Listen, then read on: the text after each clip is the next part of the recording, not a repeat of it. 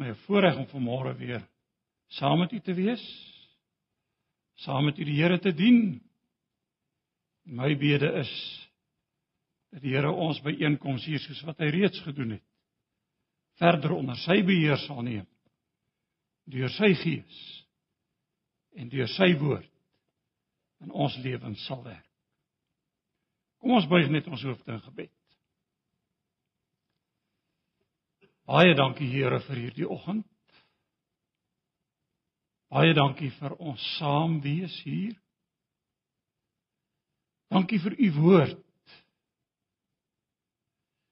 En vir u teenwoordigheid deur u Gees wat u beloof het.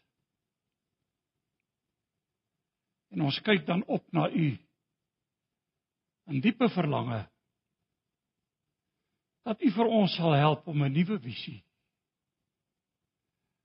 'n nuwe begrip te kry van die wonder van u genade en van ons Here Jesus. Ons bid dit in Jesus naam. Amen. Maar ons is besig met Hebreërs.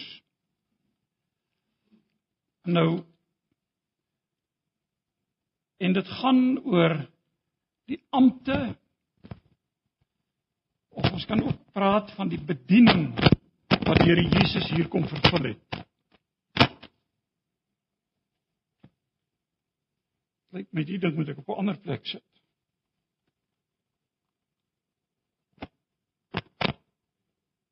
Sal dit beter gaan? Ons hoop so. Want ek beduie nog nie eers nie. Nou As 'n mens praat oor, weet jy die die groot oogmerk in my gebed is en werklik ek het dit ook gebid in die voorbereiding vandat ek begin het uh toe ons gepraat het oor wie Jesus is en alles dat die Here deur sy gees vir ons sal help om Jesus in sy grootheid raak te sien en dit wat hy vir ons gedoen het. Dis die ou ou tyding.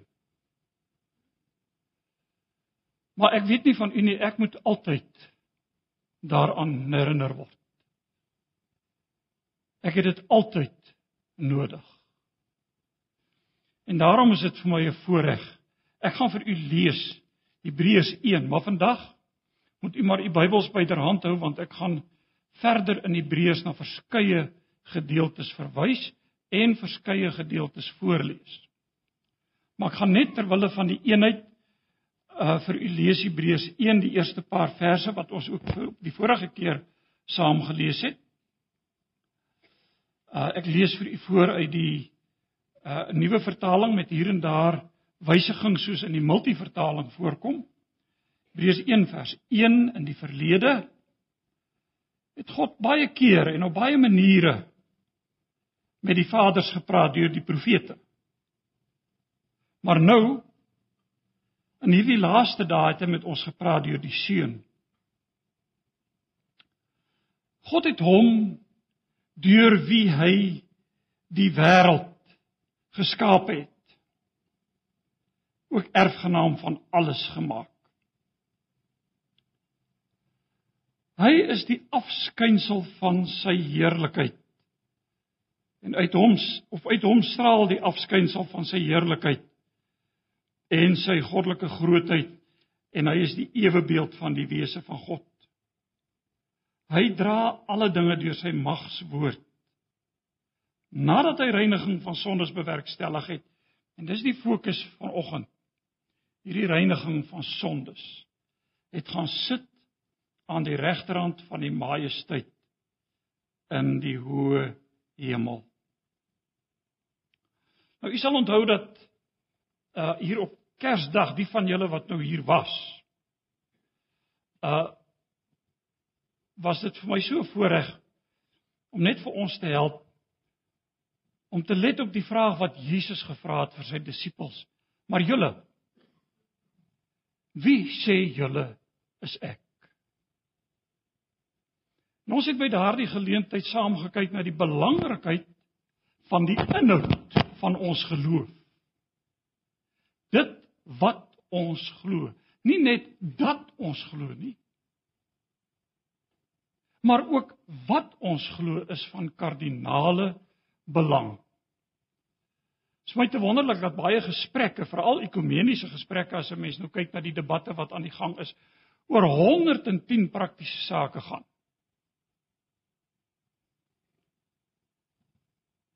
Maar min oor wat sê jy van Jesus? En dis tog die kern waaroor alles gaan. En ons het probeer by daardie geleentheid stil staan by die kern van wat ons glo van Jesus, waarlik God, volkomme God, waarlik mens. Volkomme mens. Dis hoe die Bybel hom aan ons voorhou. En jy kan maar die hele Hebreër brief gaan lees in hierdie verband. Dit beeld dit pragtig uit. Verenig in een persoon in Jesus Christus. Dit wat u en ek nie met ons logika kan verklaar nie. Dit wat u en ek na luister, soos wat God Here Jesus aan ons toon vanuit die Bybel. En dis die manier waarop ons hom leer ken. En daarna het ons stil gestaan by die profetiese amp van die Here Jesus, sy werk, sy bediening. Weg van sy persoon af na sy bediening. En by die vorige geleentheid wat ek hier was, het ons gelet op Jesus se profetiese bediening. Veral hier uit die eerste vers in die verlede het God baie keer en op baie maniere met met ons vaders gepraat deur die profete. Maar nou in hierdie laaste dae het hy tot ons gepraat deur die seun. En ek het by daardie geleentheid vir u daarop gewys hoe belangrik dit was. By Jesus se doopgeleentheid kom die stem uit die hemel nadat die Heilige Gees op hom neergedaal het. Dit is my geliefde seun. Luister na hom. En net so op die berg van verheerliking. Toe Petrus nog hutte wil bou in sy eh, verboureerdheid, kom die stem uit die hemel en sê: "Dit is my geliefde seun, luister na hom. En telke male vind ons ook in Matteus, julle het gehoor dat die mense van die ou tyd gesê het, en weet jy ek het al die tekste neergeskryf en ons het dit by daardie geleentheid behandel. Julle het gehoor dat die mense van die ou tyd en dis 'n verwysing na die wet gesê het jy mag nie doodslaan nie. Jy mag nie egbreek pleeg nie. U kan dit maar gaan lees in Matteus hoofstuk 5. Maar ek sê vir julle. Hoor jy die gesag die gesagvolle spreuke waarmee die Here Jesus tot ons praat. Die profeet. Hy het God kom openbaar. Hy het hom getoon. In sy profetiese bediening vind ons dit dat hierdie 'n vervulling vind. En dan kom ons nou vandag by sy priesterlike bediening. Op die faset van Jesus as die groot hoë priester. Nou in hierdie verband, weet jy, Uh en ek weet nie of ek dink nie die tyd sal my toelaat nie, maar as ek ek wil u aandag vestig. U kan gerus net u Bybels oopmaak by Hebreërs 4 vanaf vers 14. As u daarna kyk, sal u sien daar word vir ons gesê ons het nou 'n groot hoë priester verwysend na die Here Jesus. Reeds hier in hoofstuk 2 vind ons 'n vinnige verwysing daarna dat Jesus aan sy broers gelyk geword het in 2 vers 17. Aan sy broers gelyk geword het sodat hy 'n barmhartige en getroue hoë priester voor God kan wees. En natuurlik spandeer Hebreërs 'n groot hoeveelheid materiaal aan hierdie feit dat Jesus die groot, die ewige hoë priester is. Dit lees ons in Hebreërs hoofstuk 4 hier vanaf vers 14 kan jy dit lees. Hoofstuk 5 lees ons dit uh, die vereistes en so meer van die hoë priester en hoe dat die Here Jesus hieraan voldoen. Hy die ewige, die groot hoë priester. Nou hoekom is daar 'n hoë priester nodig? As net een woord sonde. Daar lê die kern van die hele probleem. Sonde het in die wêreld gekom. En nou kan ons teruggaan na die geskiedenis van die skepping af. En ons lees God het geskape. En lees Genesis 1 en dit en toe sien God dat dit goed was. Dit lees soos 'n refrein deur Genesis 1, nie waar nie? En skielik Genesis 3 kom die sonde by. Onverklaarbaar. 'n Mens kan eintlik in in ons meer moderne idioom sê, God het aan die mens gegee alles wat sy hartjie begeer. Maar hy was nie daarmee tevrede nie. En die sonde val kom. En wat gebeur? Kain en Abel volg. U ken die geskiedenis. En wat daarna? Noag. Nog erger. En weet jy wat sê uh, die Bybel vir ons in Genesis 6 vers 5? Toe die Here sien hoe groot die verdorwenheid van die mens op die aarde is en dat hy sy lewe lank net slegte dinge bedink was die Here bedroef die ou ou vertaling sê dit het hom berou was die Here bedroef daaroor dat hy die mens op die aarde gemaak het ondenkbaar dis wat sonde gedoen het daarna volg die toring van Babel en nou kan ons die geskiedenis maar deurgaan roeping van Abraham. God skep vir hom 'n volk en wat gebeur? Elke male in ongehoorsaamheid. Gaan lees maar Rigters. Ek weet nie of ek vir julle al gesê het nie, maar weet jy as kind, ek baie keer dan lees 'n mens nou Rigters of jy hoor iemand lees daar uit voor en dan hoor jy nou hier hier is Israel nou. Hulle is nou ongehoorsaam. Hulle val nou in sonde. Hulle dien afgode en so meer. En dan stuur God van die omligte omliggende volkere om hulle te straf. En dan bekeer hulle hulle in sak en as en roep Here help. En dan kom die Here dan stuur hy iemand om vir hulle te help. En net 'n entjie verder dieselfde storie reg van voor af. As kind het ek baie keer gedink as ek nou sê in hierdie saak kon na kon gehad het en ek sê dit nou met eerbied.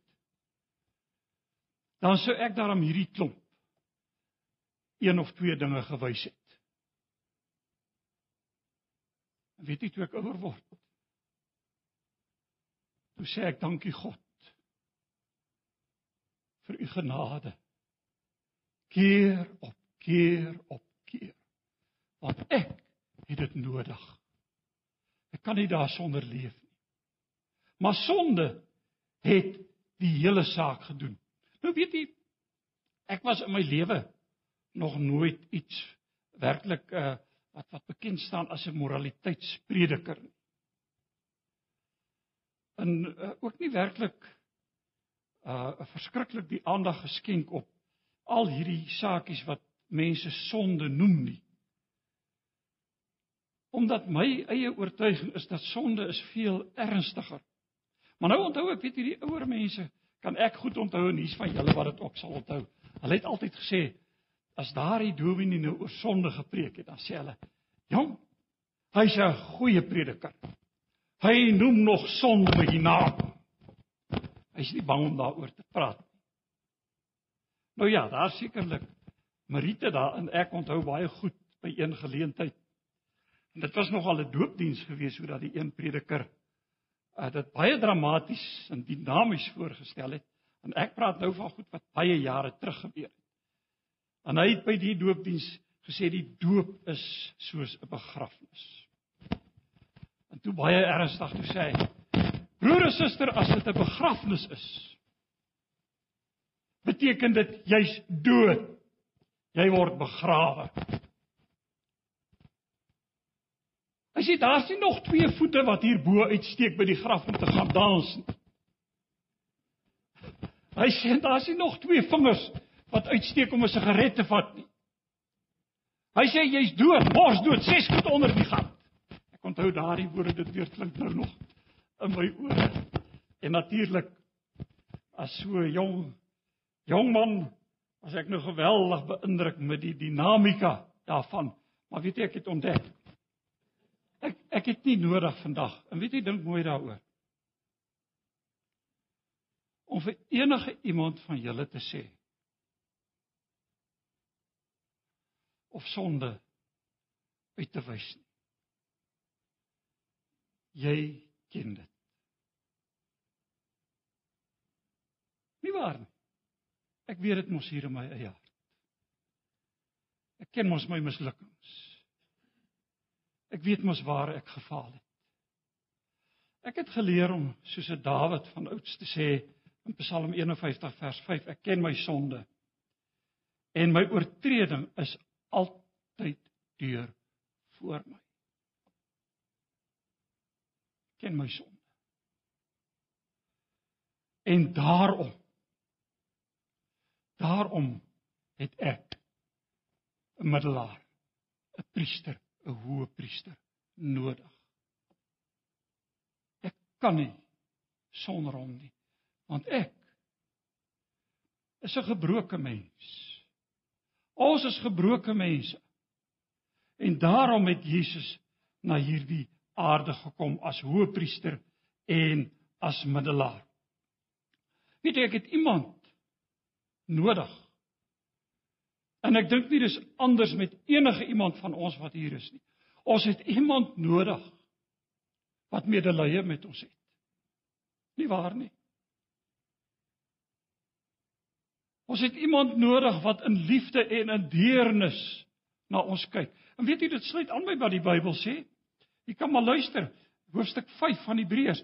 Elke hoë priester is 'n mens wat uit die mense geneem word en aangestel word om vir hulle by God in te tree So die ou bedeling gewerk. Deur gawes en offers vir die sondes te bring. Hy kan meegevoel hê met die onkundiges of die is onwetendes en dwalendes. Hoekom? Hierdie ou wat uit die mense uitgeneem is omdat hy self aan swakheid onderhewig is. Om hierdie rede moes hierdie priester ook vir homself offer. So hy moes 'n offer bring vir sy eie sondes. En hy kon meegevoel hê en medelee hê met al die ander wat na hom gekom Hulle het nodig gehad. Maar nou sê die Bybel en luister hier. En ek gaan weer terug na hoofstuk Die hoëpriester wat ons het. En dis verwysend na die na die Here Jesus in vers 15. Die hoëpriester wat ons het is nie een wat geen medelee met ons swakhede kan hê nie.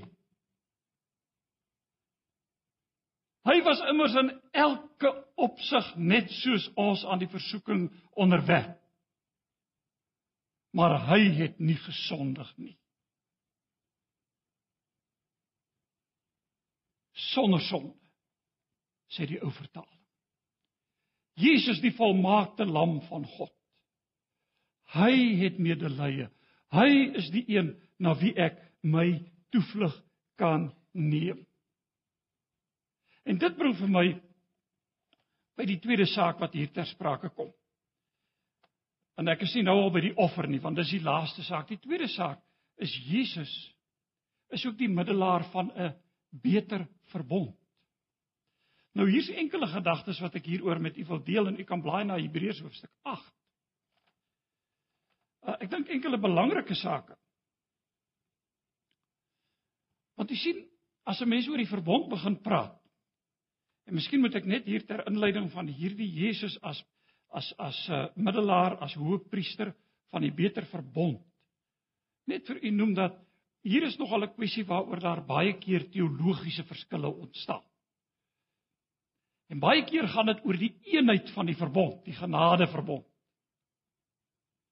Nou ek dink daar's twee fasette wat ons hier in gedagte moet hou. As u na Hebreërs gaan kyk, sal u sien kort kort gebruik die Hebreërs skrywer die ou verbond, die ou gebruike, die ou offerstelsel en hy plaas dit teenoor die nuwe. Die wet van Moses Christus verhewe bo die wet. Jy kan maar die hele Hebreërbrief deurgaan. Dis die dis die patroon wat u kry, die ou oue teenoor die nuwe. En nou weet ons dat die genadeverbond wat my betref eintlik maar reg van die begin af gegeld het. Want weet jy, dis waar as ons gaan reg van die begin van die geskiedenis af, dis waar as ons kyk wat met Noag gebeur het, hy het genade in God se oë gevind en God het hom gespaar, God het weer begin. As ons gaan na na na Abraham, Abraham se roeping, is God se genade, dis God se guns. Hy kies Abraham uit. Hy kies vir hom 'n volk uit. En die Bybel sê, nie omdat julle so wonderlik en so goed was nie, maar omdat ek julle liefhet en gedink het aan my verbond met die Vaders. So daar lê die kern van God en dan kom God en hy gee met die uittog sy wet. En nou is ons baie keer vreeslik lief om te sê maar die wet is nou nie so deel van die genadeverbond van Abraham nie. Is dit nie? Hoe begin Eksodus 20? Toe het God al hierdie woorde gespreek en gesê en luister nou. Ek is die Here jou God wat jou uit die slawehuis uit Egipte land uitgelei het. Daarom Waar begin hy? God se genade. Eksodus 20 begin met God se genade. Ek het jou uit die slawehuis uit Egipte uitgelei. Daarom mag jy gee. En dan kom die wet met sy implikasies. As ons nou dink aan die 10 gebooie. Ook hier vind ons dus die genade faset teenwoordig. En weet jy dan kom ons hier by Hebreërs uit en dis nou vir my so treffend as ons gaan kyk, kyk saam met my na Hebreërs 8 en ek wil net enkele verse daar vir julle lees. Hier vanaf vers 7. As daar aan die eerste verbond niks kort gekom het nie, sou 'n tweede nie nodig gewees het nie. Maar God bestraf die volk oor hulle tekortkoming deur te sê: "Kyk, daar kom 'n tyd," sê die Here, "dat ek met Israel en Juda 'n nuwe verbond sal sluit." nie soos die verbond uh wat ek met hulle gemaak het op die dag toe ek hulle aan die hand gevat het om hulle uit Egipte uit te lei nie. Want hulle het my verbond nie gehou nie en ek het hulle ver, ver, hulle verwerp sê die Here. Kan u sien hier kom die aanklag die ou bedeling en dan skakel hy oor en luister na die nuwe Dit is nou die verbond wat ek met die huis van Israel na daardie dae sal sluit, sê die Here. Ek sal my wette in hulle verstand gee. Op hulle harte sal ek dit skrywe. En dan herinner God hulle ook aan die verbond wat hy met Abraham gemaak het. Hy sê en ek sal hulle God wees en hulle sal my volk wees. Dan hoef niemand meer sy medeburger te leer en vir sy broer te sê jy moet die Here ken nie. Hulle almal, klein en groot, en direk vertaal kan jy ook sê van die geringste tot die belangrikste. Klein en groot sal my ken. Kan jy sien wat het verander? Wat was waar in die ou bedeling? Jy sien in die ou bedeling het het het die kom ek stel dit so, die Jood het nie gekies om 'n Jood te wees nie. Hy's in die geslag van Abraham gebore. En hy kon alleen van die verbond afgesny word. Het sy deur ongeloof, het sy deur ongehoorsaamheid, wat ook al die geval mag wees. Maar hy's in hierdie geslag ingebore. En in daardie geslag moes elke ou sy naaste en sy broer leer. Hulle moes vir mekaar sê ken die Here iets van amper soos 'n gemengde kerklidmaatskap. Jy hoor wat ek sê. Gelowiges en ongelowiges deurmekaar. En nou moet jy vir die ander ou sê wat deel is daarvan, deel van hierdie konsep. Jy moet die Here ken. Jy moet die Here ken. En wat sê wat sê die Hebreërs skrywer van ons van die nuwe verbond? Hy sê nee, almal sal my ken. Ons het hier te doen met die vereiste van weergeboorte vir kerklidmaatskap. Daarom is ek oortuig in my hart ek word in die verbond van God en in die koninkryk van God in in sy gemeente in weergebore. Ek word nie daarin gebore nie, word daarin weergebore. Wat die lyn van Abraham loop voort. Weet jy, ek het 'n paar tekste neergeskryf. Blaai net vandag saam met my. Ek het Galasiërs 3 vers 16. Galasiërs hoofstuk 3 vers 16. En ek lees vir julle. God het sy beloftes aan Abraham en aan sy saad gegee. Daar staan nie aan saade meer as een nie. En aan jou saad net een. En dit is Christus. So die hele verbond stem af op die Here Jesus Christus. Hy is die middelaar van die nuwe verbond. Hy is die hoë priester van hierdie nuwe verbond. Hy is die een wat alles nuut gemaak het. En dan verloor ek nie die kontinuïteit nie. Nee, alles behalwe. Want sê Galasiërs, hulle wat uit die geloof is, hulle is kinders van Abraham en volgens die belofte erfgename. En dis die heerlikheid daarvan om te weet dat die fokus val op hierdie nuwe bedeling waarvan ons deel kan wees omdat Jesus Christus die hoëpriester is ook van hierdie nuwe verbond. Natuurlik loop daar dele deel, selfs dele deur, selfs die wet loop deur. In die Ou Testament was die wet op kliptafels geskryf. Nou sê Hebreërs in julle verstand en op julle harte. En natuurlik, in die Ou Testament was geloof nie onbelangrik nie. Maar in die Nuwe Testament kom die Here Jesus en hy het al hierdie beloftes vervul.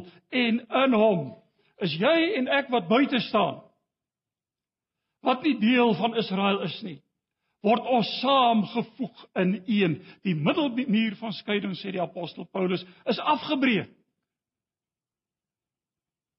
En dis die heerlikheid van die nuwe verbond. Dis die heerlikheid van dit wat Christus vir ons kom doen het. En dan natuurlik die laaste een waarby ek wil stil staan, gaan oor hierdie gedeelte en dit is oor Jesus as die volmaakte offer. Nou daarvoor kan u maar kyk en ek gaan ook nie alles lees nie. Kan jy maar kyk na Hebreërs hoofstuk 10. Hebreërs hoofstuk 9 vanaf vers 23 tot 10 vers 18. Die volmaakte offer.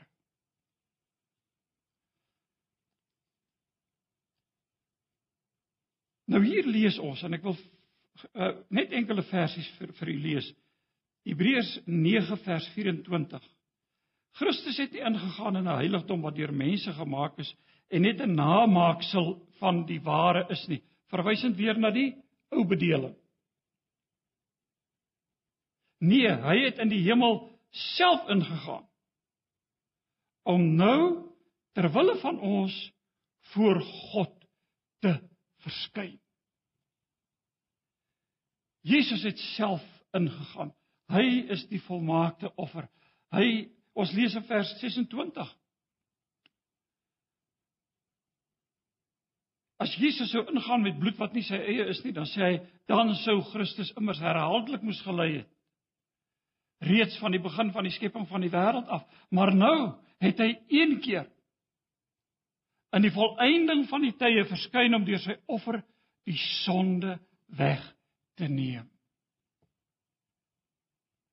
Wat 'n sug van verligting behoort ons nie te slaap nie. Luister hier. Petrus sê inteendeel. Julle is losgekoop in 1 Petrus 1 vers 9. Julle is losgekoop met die bloed van Christus, soos van 'n lam wat vlekkeloos is en sonder gebrek is. Die volmaakte offer. En weet jy hier moet 'n mens oor een ding baie versigtig wees. Ek het lank gelede en ek kan nie onthou of ek na 'n kaset geluister het en en en die preek gehoor het en of ek uh, uh, dit gelees het uh, wat wat uh, iemand uitgedruk het en ek die opmerking gelees het van Paulus wat sê hy het Jesus sonde vir ons gemaak. En toe die prediker van die uitgangspunt uitgegaan dat Jesus selfs in sy lyding dan die duiwel as vader vir 'n kort tydjie aangeneem het. Nou dis skrikwekkend broer en suster. Want as dit die geval was, kon hy nie 'n volmaakte offer gebring het nie. Maar die Bybel sê vir ons hy was sonder sonde, hy's versoek soos ons, maar sonder sonde en sondeloos was hy in staat om die volmaakte offer te bring. Hy het homself gegee as offer vir jou en my sonde. En die teks wat sê hy sonde vir ons gemaak beteken hy het almal van ons se sonde het hy op hom geneem. Hy het die wet van God vervul. Hy het die hele Ou Testament vervul. Hy was sondeloos, die vlekkelose lam van God. En hy kom en hy neem ons skuld op hom. En hy dra dit dis wat pastyd ons aan herinner. Hy dra ons skuld, hy dra jou sonde, hy dra my sonde. Hy is die een wat moes uitroep. My God, my God, waarom het U my verlaat onder die verskrikking van jou en van my sonde. Dis wat daar gebeur het. Se finale offer vers 12 hoofstuk 10 vers 12. Maar Jesus het net een offer vir die sondes gebring en vir altyd aan die regterhand van God gaan sit. Hy het finaal die offer gebring. En kyk watter gerusstelling gee dit vir ons. Blaai nou hoofstuk 10 vers 18. Broer en suster, dis ons hoop. Waar die sondes vergewe is, is geen offer meer nodig nie. Die offer is klaar gebring. Eens en vir altyd. Finaal 'n volkome, 'n volmaakte offer wat hy vir ons So as ons dan Jesus sien as die groot hoëpriester, dan sien ons hoe dat hy God aan ons kom toon het en hoe dat hy die prys kom betaal het en middelaar geword het tussen God en mens om God aan ons te kom toon en om ons saak by God te gaan stel. En hy het met sy bloed gegaan die hemelse heiligdom in en 'n verzoening bewerkstellig wat vir ewig is. En weet jy nou wil ek afsluit. Ek wil vir u 'n gediggie lees. Nou die gediggie het my dogter, sy was nog op skool, Liani. Iemand in die gemeente waar ons waar ons uh waaraan ons behoort het, iemand haar gevra om vir die paastyd so gediggie te skryf. En nou die taalkenners wat nou hier sit, julle moet nou weet as julle nou die ritme en die versmaat en die goed wil gaan soek, dan gaan jy dit nou sekerlik nie hier kry nie. Maar ek wil hê julle moet luister na die woorde van hierdie ou gediggie. Appa het so hier en daar 'n bietjie hand by gesit, maar sy het die werk gedoen en sy het die gediggie geskryf. En sy was op skool want haar pa kan nie dig nie. Sy het dit genoem Barabbas se venster. Nou dink jouself in Barabbas in die tronk. 'n Klein ou venstertjie hoog teen die selmuur. Bring fabeloftes as die son my aangluur. Die dowwe ligstraaltjie met die lewe verbind is weifelend bang soos 'n kers in die wind. Die geskreeu en geskel verneig vol haat weer klink oor verdowend met eie waans raad. Ons sit almal daar, koud, stil en stom. en hoor die doodsvonnis wat sê kruisig hom. Voetstappe nader dreigend en vas. 'n Groot deur swaai oop al kreunend sy las. Die soldaat met sy oë vol haat en vernyn herskep in my weer my angs en my pyn. Hy lei my na buite, ek sidder van vrees. En in my gedagtes weergalm nog steeds die skare se skree se kreet wat weer tot my kom. Laat los vir Barabbas. Maar weg met hom. Asof van ver hoor ek die skare weer skree. Maar dan sien ek hom. Sy oë so sag. Vol liefde en vrede. Die kettinge om my word met geweld afgehaal. Die soldaat stamp my weg terwyl die skare rondmaal. Ek staan tussen mense, dis bedompig en vuil. Die soldaat het sy kleed vir 'n persmantel verruil. 'n Doringkroon word op sy kop neergedruk. 'n Bloeddruppel loop oor sy wang en sy kin totdat dit drup. Hy staan daar stil. Sy liggaam gebo. Van al die pyn sluit hy sy oë. Hulle spoeg hom en slaan hom hard deur die gesig. Hy wankel onseker en verloor sy ewewig. 'n Geesel swaai verwoed deur die lug. Die metaalpunte vlietend verbrysel sy rug. Stukke vleis word wreed uit sy liggaam geskeur. Ek het alles gesien. Dit het voor my gebeur. Sy lippe prewel saggies, so asof hy bid. Sy vel vertoon plek plek nog steeds leliewit wat vinnig verkleur deur die rooi van sy bloed terwyl die waansinnige skare hom steeds bly vervloek. Dan skielik sak hy neer op die grond, sy lyf lyk gebroke, vermink en verwond. Hulle ruk hom oorent met veragting en haat. Ek sien hoe hy struikel en val in die straat. 'n Ruwe houtkruis. Die moet hy dra. Hy aanvaar dit gelate Ek hoor hom nooit kla. Almal bespot hom, hy word geslaan met die vuis. Sy kragte gee in onder die gewig van die kruis. 'n Man word beveel om sy kruis op te neem. 'n Paar vroue staan eenkant in droefheid en wee. Ons bereik dan die heuwel kort net daarna genoem Kobbeenplek of ook Golgotha. Hulle gooi hom hardhandig neer op die kruis. Dis of as dis of die skare se vreugde die wêreld laat ruis. Met hamerslae deurboor 'n spyker sy hand. Gou loop die bloed oor die houtkruis se rand. Dan skielik verskyn die kruis in die lug. Party kan nie kyk nie. Hulle draai hulle rug. Sy gesig is vertrek met die pyn van die dood. Hy snak na sy asem. Die skare skreeu voort. Die aarde bars oop met 'n brute krag.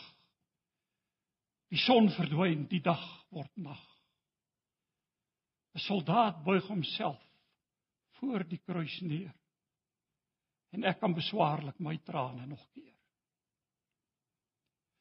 Ek soek in sy klank, in sy woorde die klank van sy oordeel.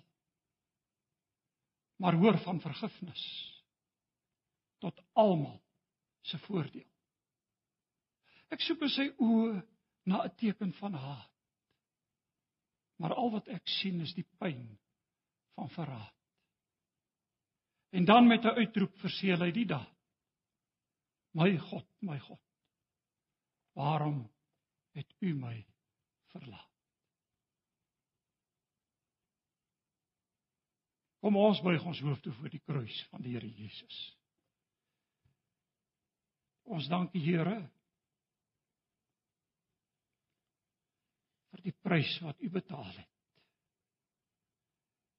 Die dure prys vir ons sonde, skuld en las. En ons dankie dat ons vanmôre kan weet die offer is gebring. Daar is geen beskuldiging meer nie. Ons aanbid U. Lam van God wat vir ons geslag is. Maar wat opgestaan het uit die dood en wat lewe tot in ewigheid. Amen.